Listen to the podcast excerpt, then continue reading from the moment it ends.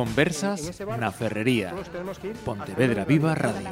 Ola, saúdos. Eh, vamos esta semana coas conversas na Ferrería para voltar cunha cuestión da que xa faláramos hai uns meses e que é ese proxecto Sentidiño na Rede no que están traballando eh, diversas partes, no? profesionais de diferentes áreas, eh, cun objetivo, eh, aprender a traballar eh, na, na rede, no? Tratar de, de, de ter, como dice o, o nome deste proxecto, sentidiño na, na rede. Eh, a instancias da, da FAMBA, temos eh, de novo con nos aquí en Pontevedra Viva Radio o seu presidente, Rogelio Carballo. Benvido de novo. Moi boas, que tal? Tamén eh, lembro que estaba con nos eh, naquela ocasión José Torres, benvido tamén de novo. Hola, bons días. Experto en seguridade e privacidade na rede e que vais a estrear non estaba da, daquela, era Manola Raposo benvida. Moitas gracias. As compañeiras da universidade teñen outros compromisos docentes e entón me toca nesta ocasión. Está aquí diante dos, dos micrófonos. Ela é profesora da Facultade de, de Ciencias da Educación no, no campus de, de Ourense. Eu teño preparadas varias preguntas, mm, pero quero que sexa iso, unha charla, non? Fa unha pregunta, uno digo outra cousa, eh, apunto, penso que, engado, que sea unha, unha charla entre, entre todos. E, e para comenzar, eh, daquela ocasión na que estivéramos falando de sentidiño na rede a, ao día de hoxe, eh, que, se, que se fixo de novo? En que estades a traballar na, nos, nos últimos tempos? Ben, pois enfocámonos fundamentalmente a tres frontes, non? A primeira delas foi a, a analizar, a, a intentar achegarnos o, o que nos decían os datos que fomos recollendo. Estábamos eh, facendo enquisas a familias, enquisas a nenos entre 10 e dazas, rapaces xa, dazas uh -huh. 6 anos. Entón, eh, estamos con esa primeira aproximación aos, aos que nos mostran os datos, non? Temos outro segundo fronte aberto que é no que máis rincapé, énfase puxemos que foi na elaboración dos podcasts dedicados ás familias uh -huh. para dar como pequenas píldoras formativas a propósito de aqueles elementos que máis eh, difíciles ou máis problemáticos podían resultar do, segundo que nos están informando os dados. Non? E a terceira eh, frente eh, é difundir xa un pouco o proxecto porque xa estamos indo tendo algúns resultados e pois participamos pois nunha a parte de do convite aquí no propio programa. Uh -huh pois eh, a través de ponencias en congresos, a través de publicacións no, en revistas, va?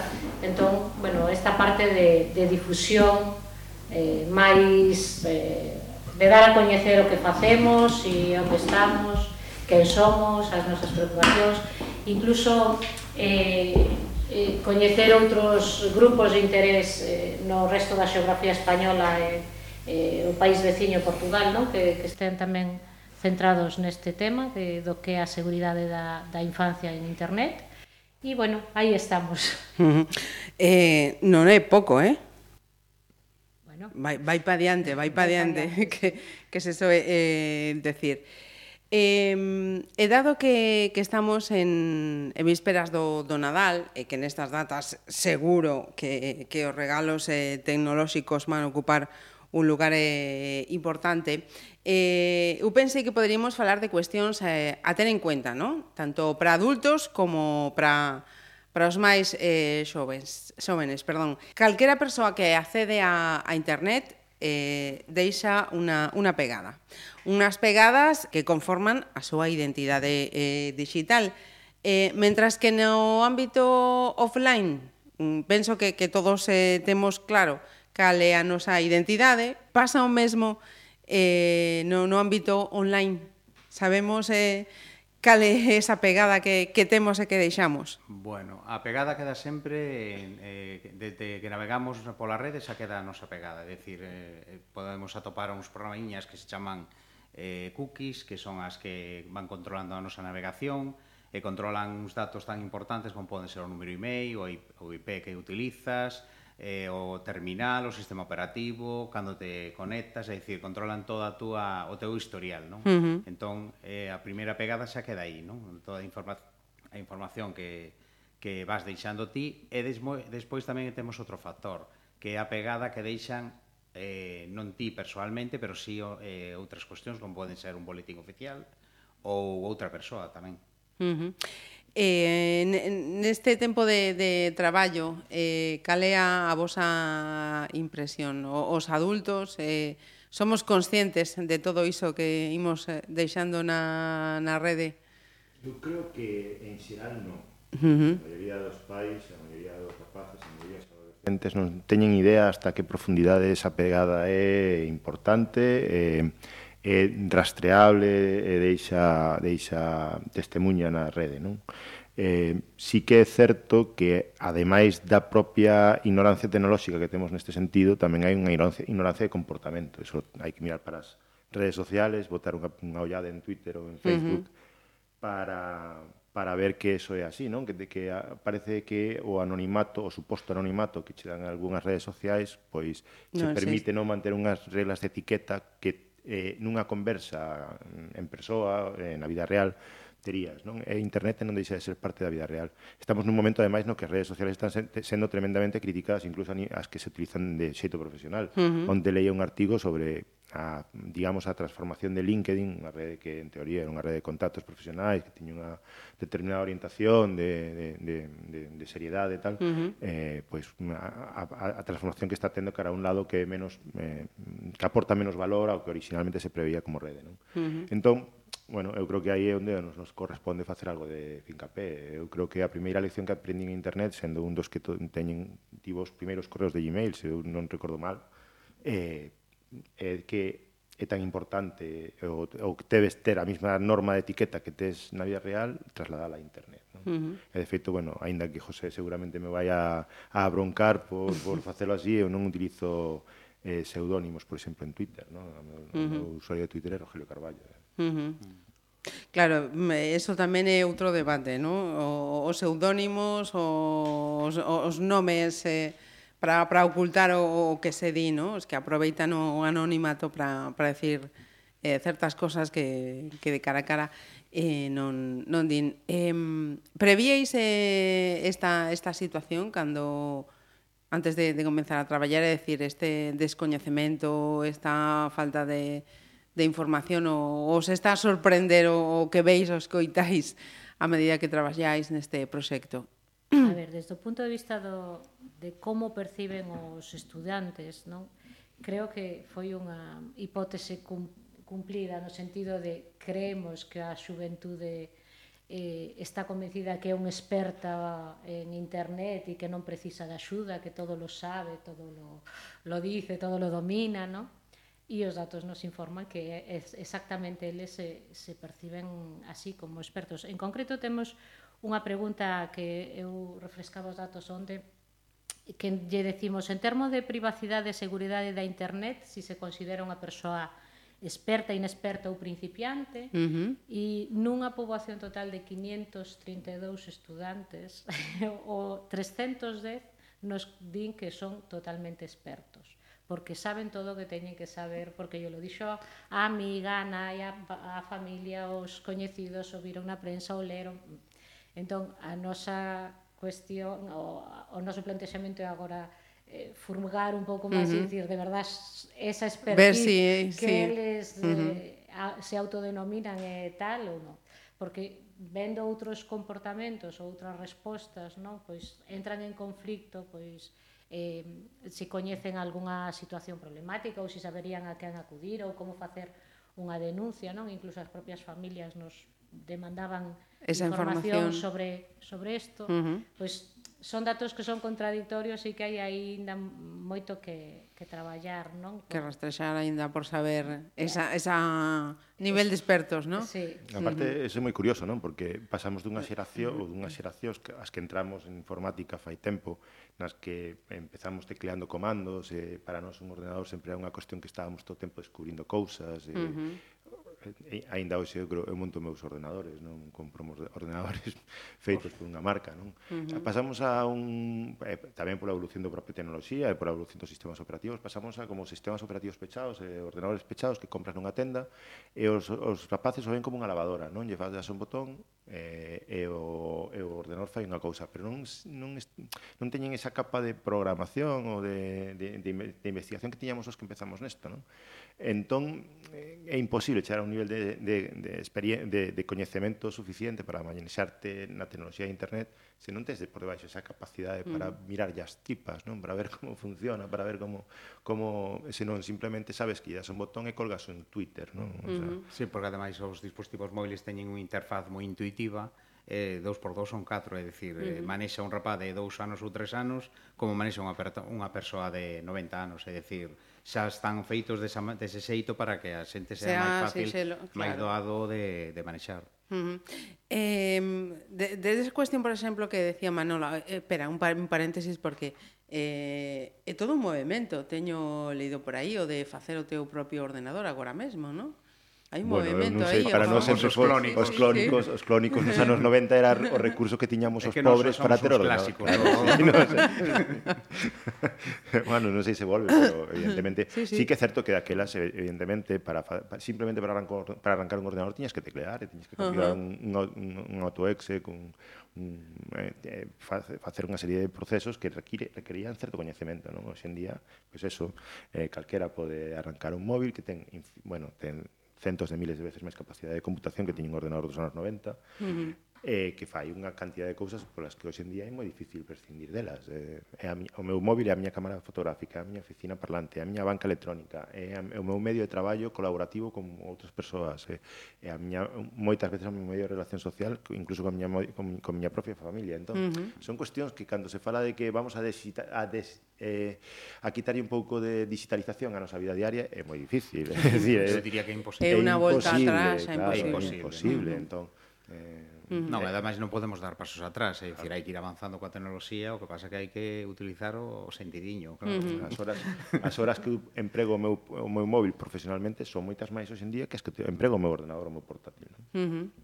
Eh, eh, de un tempo a, a esta parte, por certo, e eh, cada semana che di, eh, esta semana estiveches tantas horas uh, con Dios mío, cada vez dá, dá, dá máis, máis medo. Eh, Falábamos eh, de, de ese nivel de, de, de expertos ¿no? que, que les din que, que son, eh, con todas esas pegadas que, que imos eh, deixan, deixando. Eh, é posible borralas? Eh, quen pode utilizalas? Eh, todo iso... Mira, José, ya. Bueno, posible, eh, a lei agora di que sí que é posible, eu teño as miñas... Eu sou un reticente de uh -huh. momento porque está moi recente a, o Reglamento Europeo de Protección de Datos e a nova lei eh, que sacou que se aprobou recentemente tamén a finales do mes pasado de protección de datos. Eh, nos podemos en algunha páxina web poder borrar o pedirlle que se borre eh, os nosos datos, a información que conteña pero eu xa son máis reticente a hora de falar con multinacionais, como pode ser Facebook, Amazon e demais, uh -huh. para decirlle que borren os nosos datos, porque técnicamente todo é recuperable. Uh -huh. Entón, pode darse o caso. Recentemente un rapaz austríaco pediulle a Facebook, porque agora podese facer, eh, que lle eh, facilitara toda a información que tiña de, de sobre a súa vida e todo o que había el aportado á red social e mandoulle un CD cun documento de texto de 1200 páxinas uh -huh. donde salía absolutamente todo, incluso o que había borrado o rapaz. Uh -huh. Entón, claro, eh, mm, penso que vai ser bastante doado facelo, pero bueno, estamos uh -huh. se traballa niso, claro. Logo, logo quería falar tamén tamén desa eh, cuestión. Eh, O traballo que estades a, a facer, eh, a cal a, hai que darle máis importancia ou cada un ten, ten a súa? Eh, formar os padres para que aprendan a protexer os seus eh, fillos ou os fillos a que sepan isto sí, isto, isto no? Como, Son dou, dous traballos... Eh, Son as dúas caras da moeda. Unha, isto é un binomio, uh -huh. unha simbiose, non hai...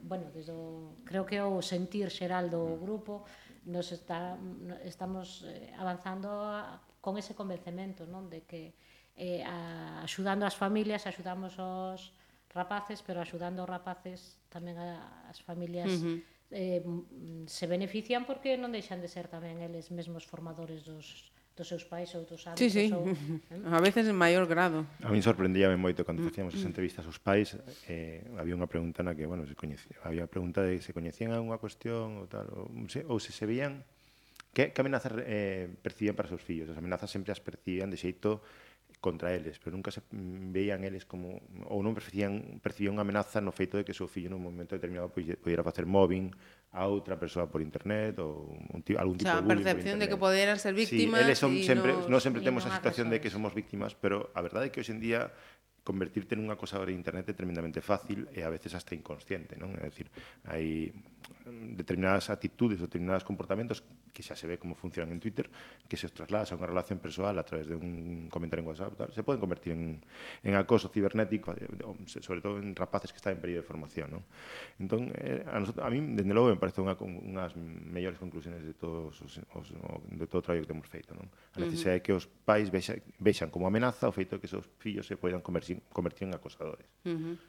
Claro, porque eh, me, penso, ¿no? e pensaba cando, cando preparaba esta, esta charla e comenzaba con eso de, de eh, a, a identidade offline e, e online é que eh, dame a impresión que mm, mm, parece que mm, non nos damos conta ou que perdemos a perspectiva de que, de que ao final somos a mesma persona, ¿no? de que o comportamento que temos na, na vida real é a que deberíamos ter eh, cando estamos en, na, na rede, non?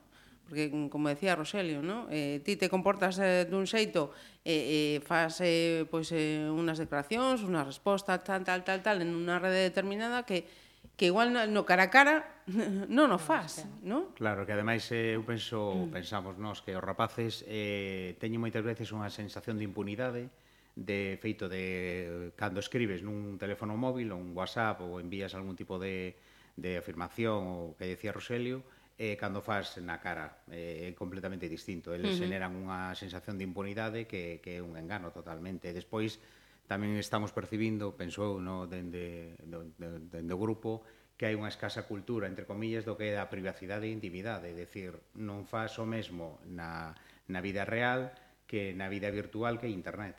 Uh -huh. E o problema, si, si cabe máis é que non se recoñece a importancia que ten esta temática, esta identidade online, non? Porque volvendo un pouco os datos porque me pareceron tremendamente Sí, sí, por favor. Eh, clarificadores, non? Preguntábamos aos rapaces hasta que punto consideraban importante recibir formación sobre como mellorar a súa identidade digital e eh, en torno ao 38% dicen que na, non é nada importante ni, ou pouco importante, quero dicir como que non forma parte das súas prioridades frente a outras eh, que, eh, preguntas que eran de como eh, conseguir que o teu dispositivo teña máis velocidade ou máis memoria, máis, vale? Entón, as cuestións de calado como poden ser estas a importancia do tema, non son conscientes de que necesitan... É moi curioso, porque despois na vida profesional resulta que unha das cuestións máis relevantes hoxe en día é a creación dunha identidade profesional eh, sólida, eh, non uh -huh. quere dicir irrealista, non? non quere dicir que porque que a tua identidade profesional por poñer unha foto un día en festa en Facebook se vai a, ao traste, pero sí que eh, se queres atopar un bo traballo é fundamental ter unha identidade digital e unha identidade digital eh, consolidada eh, e coherente, mm. non? Neste artigo de, de LinkedIn se falaba que precisamente os, os reclutadores están obviando ahora mesmo pois perfiles profesionales que se dedican a publicar constantemente, constantemente cuestións uh -huh. relevantes en LinkedIn. Uh -huh. Eh, eh, ademais esa quero dicir con isto que o que hasta fai dous días se veía ben, pois ah, vai mutando, non? O que se entende como etiqueta en internet pues, non é sempre a mesma, senón que vai, uh -huh. mudando, vai, vai mudando e vai, vai consolidándose segundo un paso tempo. Como unha ferramenta nova, hai usos sociales que se están establecendo ainda hoxe en día. Non? Estos que pasamos polos foros no seu día, hoxe os foros xa tiñen menos, menos relevancia, salvo foro coches, que hoxe xa habrá máis desto que a min, pero, bueno, quero dicir que os foros, os foros hoxe en día teñen, eh, hai moitos, pero teñen menos presencia que fai, fai un tempo, non? Uh -huh. eh, que antes de que houbera redes sociais. E claro, nos foros sempre houve normas de etiqueta, e esas normas de etiqueta se empregaban a rasetabla. Eh, a min, bueno, mm, incluso cando falaba cando, cando utilizaba foros en inglés e demais, pois, pues, oye, a veces imprudentemente faz algún comentario que non che parece eh, demasiado tal, e, sin embargo, o administrador che bota unha bronca, non? Entón, uh -huh Ao final, eso mm, creou, cultu creou cultura. Os que viñamos desa época temos certa cultura de comportamento, pero claro, como eso ahora mismo eh, ah, no, saltou sí, por riba, saltaronlle por riba as redes sociais, pues eso implica que hai moita xente que necesita ese aprendizaxe non? Desa, desas normas de etiqueta. Uh -huh. Eh, aprendizaxe dos pais, eh, aprendizaxe dos eh, rapaces, eh, En este traballo tamén eh, está chequeado o traballo que, que se está a facer, que teñen que facer desde os centros eh, educativos para guiar os, os chavales? Solamente desde a percepción dos usuarios, é dicir, desde o punto de vista das familias ou desde o punto de vista dos, dos rapaces. Non, non tivemos ocasión de eh, porque desborda o, o límite do traballo de dirixirnos directamente a, a profesores, a directores, uh -huh. a xefes de estudio, non? Pero bueno, desde o punto de vista dos rapaces, por exemplo, mm, tamén so, preguntábamos se si, si recibían formación no centro educativo sobre esta temática e en particular sobre a identidade digital no 68% dos casos decían que non recibían este tipo de formación, non?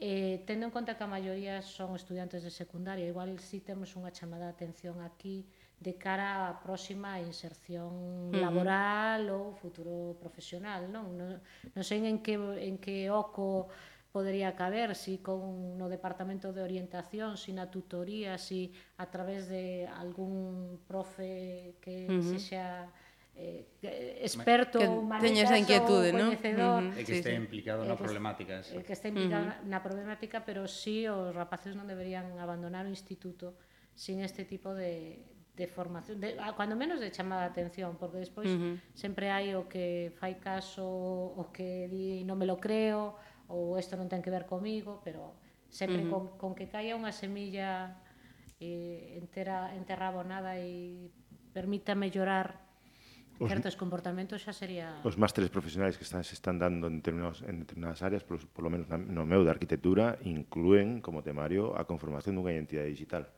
O sea que eh, Pero estamos falando de profesionais, que, pero que sale de bachillerato, hai aquí unha Sí, pero que sale de bacharelato, segundo bacharelato, ten que ter ese proceso xa en marcha. Hmm. Mm, se vai se o que se vai incorporar un ciclo de formación profesional, eu creo que ten que ter eso non evidentemente está no principio do camiño a conformación unha identidade digital, pero mm, ou non, ou uh -huh. para facer segundo bachillerato, míos xa ten claro o que queren facer, e xa empezaron a facer. Entón, eh, eu creo que eso é importantísimo, uh -huh. decir, é eh, como como sa esa base de, de saber como ganar relevancia na rede, como ganar relevancia positiva e non negativa, eh, eu creo que é algo que claro. que debería estar no temario de estudios, ¿no? En resumidas contas, aproveitar esa ferramenta tan tan claro. tan importante que é internet e a súa información, uh -huh. porque se se vas a contratar un seguro de vida, a propia aseguradora xa vai a facer unha búsqueda da túa identidade, a ver a que te dedicas uh -huh. e como eh, cando estiveches enfermo, o que tiveras, o que Eso é un tesouro de datos que claro. é moi importante. Para o ano, tamén, para ano 2020, non, está apro aprobado que todos os coches deben ter conexión a internet eh, para en teoría En teoría. en teoría, en caso de accidente, conectarse automáticamente con urgencias, pero que me di que eses datos non se van a utilizar efectivamente por as aseguradoras para saber se eu son un suicido volante ou son, son un conductor cabal. Non? Uh -huh cada vez é máis complicado. E a velocidade media que circulas. Exactamente. exactamente. E, esa é outra. Eu xa teño outra perspectiva, porque xa sei como funciona, entón. Claro. Entón, pues...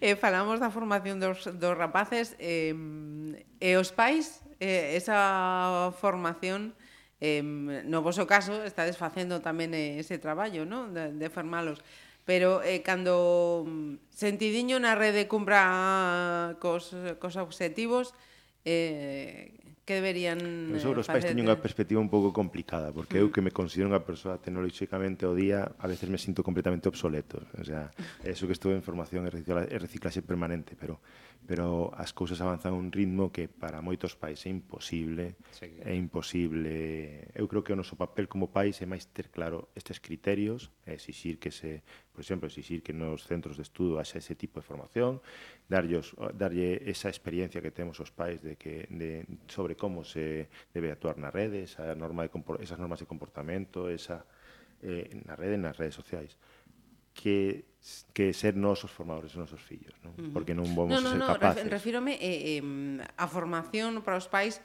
para poder controlar eh, eh, eh que os fillos teñan unhas boas pautas. Eu, mm, por eso digo, eu creo que a nosa parte é efectivamente esa, non nos mm, propoñer eh, uh -huh. normas de comportamento, pero sempre vai haber unha nova rede social que se abra na que nós non imos estar, sempre vai haber unha, unha aplicación de mensaxería que se abra nova na que nós non imos estar. Uh sempre se meu fillo quere ser eh, irresponsable atopará unha VPN na que meterse eh, na que eu non poida controlar nada o que fai quero decir que eh, é complicado eh? a, a situación dos pais non é sinxela non é, mm. non é cómoda nin eh, bueno, estamos falando do meu punto de vista que non é está, eu creo que está moi por riba da media dos pais non?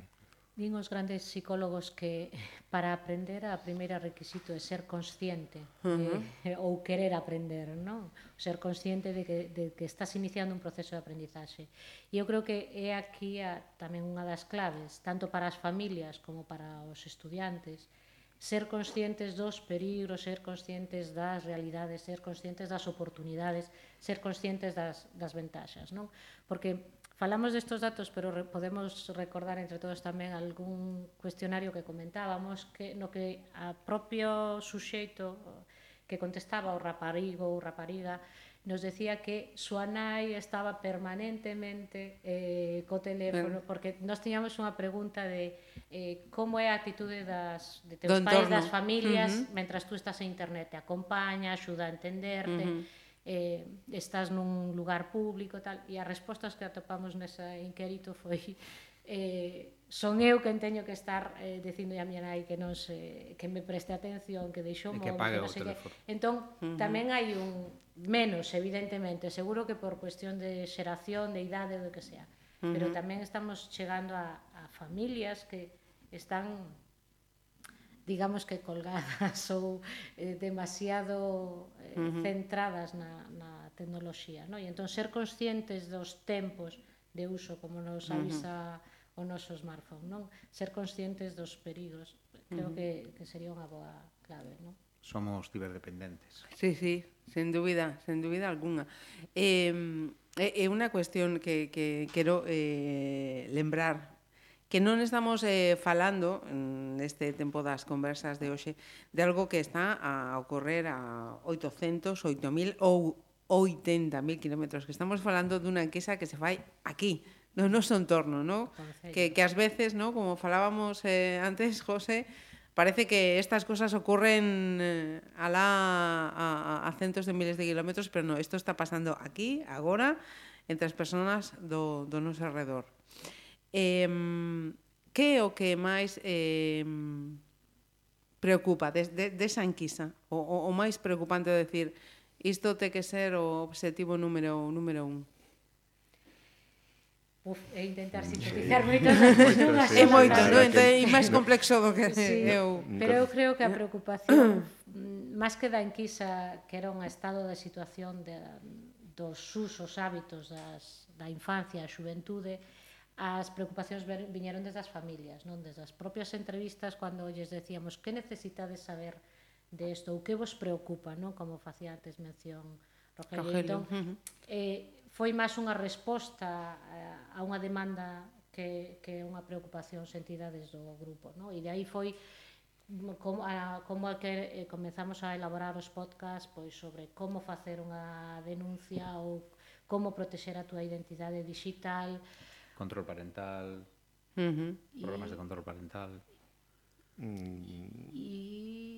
comportamento, os vos comportamentos... A falábamos, bueno, tiñamos temas pendentes todavía, o sea, nos temas sí. que temos pendentes que todavía temos que desenvolver están, por exemplo, o tema de, de, legislación. de, de legislación, a segunda parte de control parental, no, no, na parte de na que soporta a legislación en sí mesma. Ata onde mm. podemos chegar para ver Exactamente. o contido mm. dun teléfono móvil, como pai, nai, Ajá. que eso a privacidade, eh, ¿no? dentro do entorno. Eh, digamos que te, nos quedan temas importantes que tratar, ¿no? Sí, sí. Que é certo que se conseguimos con este con estes podcast non tanto trasladar coñecementos, senón iniciar que algún pai inicie o procedimento de búsqueda, eh, que se actualice, que se informe, e tal, pois pues, eu creo que xa está bastante cumplido uh -huh. o objetivo, non? Porque mira, eh, aparece a palabra eh, denuncia. Eh, chegase a denunciar ou iso é algo que, uf, ten que ser a cosa moi, moi grave para chegar a, as denuncias, cando en realidad ten a, a suficiente gravidade para, para sí, en moitas ocasións os rapaces son mm. vítimas de algún tipo de acoso e os pais son os últimos a entrarse, como sempre. Uh -huh. Pero é algo que temos que ir desterrando, é dicir, se un rapaz ten algún problema, ten que ter uns lazos de confianza establecidos cos seus pais para comunicar inmediatamente aquel problema que, que está ocurrindo, é dicir, non esperar a que haxe algún tipo de mm, solución uh -huh. máis grave, non? Uh -huh. eh, o control eh, parental. Eh, os pais entón, eh, como decíamos, ¿no? van, van uns paseños eh, eh, por detrás, e do que falábamos tamén na, na anterior eh, charla, eh, penso, Iso de que eh, o rapaz, eu estou no, no salón, o rapaz está aí, estou vendo o que está, se escapa das mans, é, é imposible, no? tamén o, o, o sinalabas. Pois non sei, eu creo que vexo bastante complicado, cada vez máis complicado. Eh, se o rapaz lle dá por cerrar os seus, mm, borrar os seus datos de navegación cada vez que entre ah. sae, pois xa non podo facer un Eles eh, outra cousa non, pero aprenden mm. inmediatamente, borrar o historial, que, eh, borrar Pero ese... todos pasamos por ese proceso, eh, non? Sí, o anonimato e tal, evidentemente eles as técnicas esas sábenas, porque se si non as saben eles, vai haber un compañeiro que lle diga como ten que facer. Uh -huh. Pero, bueno, para eso están os programas de control parental, é dicir, se si queres utilizar un programa de que, que nunca podemos pensar que van a sustituir a túa educación e a preven uh -huh. na prevención, pero bueno, é eh, unha ferramenta que nos axuda máis que nada para controlar o tempo de uso eh, e o acceso a aqueles contidos que sean inapropiados ou ilícitos, uh -huh. que en moitas ocasións non é o mesmo. É dicir, non é mesmo que un rapaz vexa pornografía con oito anos, que é un uh -huh. contido eh, inapropiado, ou que acose outro rapaz que xa eh, este tendo un, un aplicando un contido ilícito. Entonces, uh -huh. esas, eso hai que controlarlo de alguma maneira. Mira, eh, decíais, aínda temos pendente o tema da, da legislación. Mm.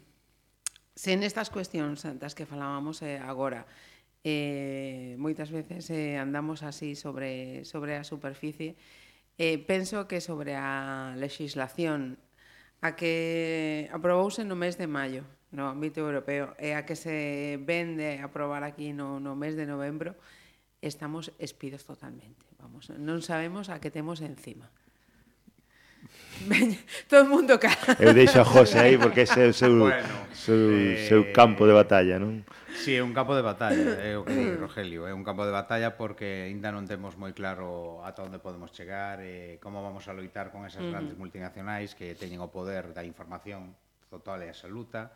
Eh, bueno, o que pasa que temos que no ámbito de educación, cando os rapaces empezan a navegación, que é importante que os pais teñan unha navegación conxunta, sobre todo cando son de, nare, eh, uh -huh. de edades perdón, moi cortas, eh, temos que facerlle ver que hai unha, unha política de privacidade, uns términos e unhas condicións de uso que temos que ler, que non lee absolutamente de, nada. Creo que só leen eu, e algún, algún experto como Rogelio tal, que estamos moi implicados na materia, pero nada máis, é dicir, a xente crea perfiles, aporta información e non sabe tan siquiera quen vai almacenar esa información e se se van a ceder a terceras persoas, uh -huh. que no 99% das ocasións xa lle digo a xente que sí. Vale. Uh -huh. Claro, recordo a polémica que houve no seu día cando Facebook adquirira Instagram eh, Facebook avisaba no seu, no seu, protocolo, no seu protocolo de, de datos que es, a partir dese momento a propiedade intelectual desas fotos pasaban a ser de Facebook. Entón, uh -huh. eh, vale, se utilizo Instagram eh, profesionalmente para facer unha, por exemplo, son un fotógrafo e quero facer difusión de certo traballo que fago, hai casos de fotógrafos moi famosos que fan así, uh -huh. de repente teñes tes un conflito de intereses importante, non? Que se non lees ese, esa política de protección de datos, tes un problema serio, serio. serio.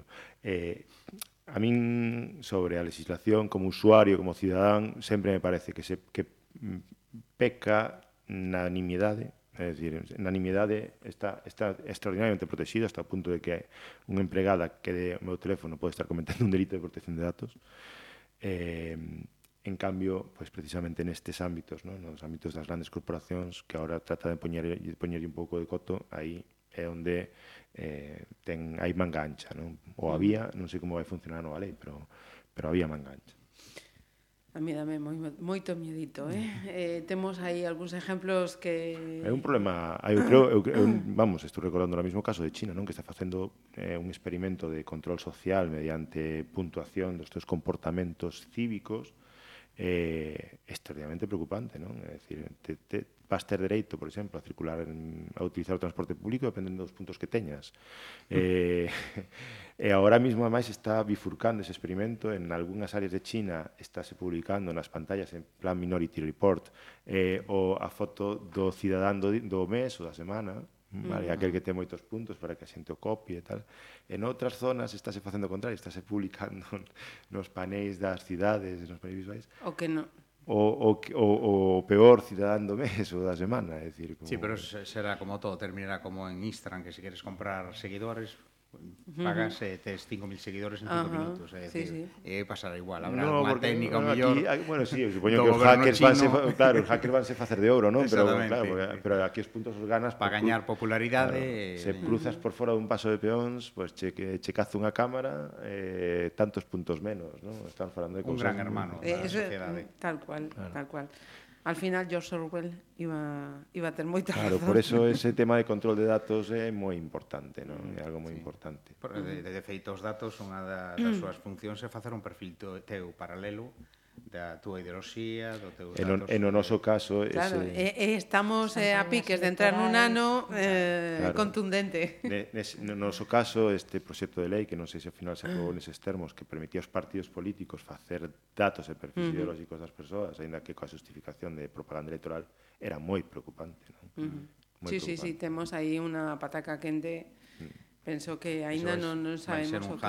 que ten, Está sí. claro que para, es, para eles isto é unha ferramenta fantástica porque mm, houve unanimidade total, é dicir, que... Uh -huh. Sí, aí non hai Aí non hai discusións no, ideolóxicas, no, no, no, nin ven, no, no, nin veñen no, no. os de extrema dereita, nin incluso poden, exactamente, aí non hai incluso poden mandarche eh, propaganda electoral directamente ao teu móvil. Sin permiso, sí, sí, sí, sí, sí, sí. Claro, sí. pero non pensemos nos extremos, pensemos pero, nos extremos dun país no que eh, ser funcionario en moitos casos ou entrar nunha administración pública depende en moitos casos do color da cor política. Uh -huh. pois eh, claro, eh, ter eses perfiles ideolóxicos feitos é un pouco complicado, é complicado, sí eh, pois sí, iso é o que temos por diante. Eh, no sentidiño na rede que é o que hai por diante nos vindeiros. Pois. Manuela, Manuela que nos ten aquí traballando a destajo. A destajo, non paramos.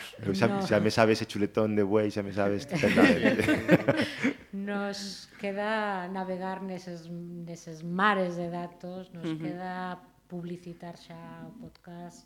Estamos aí traballando na web que os soporte para eh, dar esa colección de, de podcast, de podcast. A, uh -huh. a luz e nos queda reunións de buenos amigos unha vez ao mes seguramente ¿no?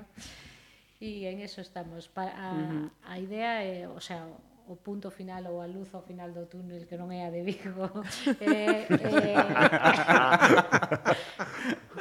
decembro de 2019 debe estar a memoria do proxecto uh -huh. presentada e entón encaminhados hacia aí, pero máis que pensar en ter o produto final en cuánto podemos sembrar no proceso durante todo uh -huh. este 2019. ¿no? Ajá. Pois eh, pola nosa manda, cando haxa alguna nova, algún pasiño máis que dar, aquí estamos a, abertos para seguir eh, informando e dando conta e, e axudando a fin de, de, de contas que no, o poquinho que, que podemos eh, facer neste imenso traballo. A web, entón, eh, os podcast van por bo camiño. Eh, imos, imos seguir estamos, traballando. Estamos traballando. Moitas grazas, eh, José, Manola e Roselio, por estar aquí unha vez máis. Moitas grazas. Aquí.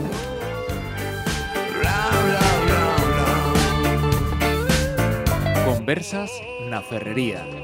Pontevedra Viva Radio.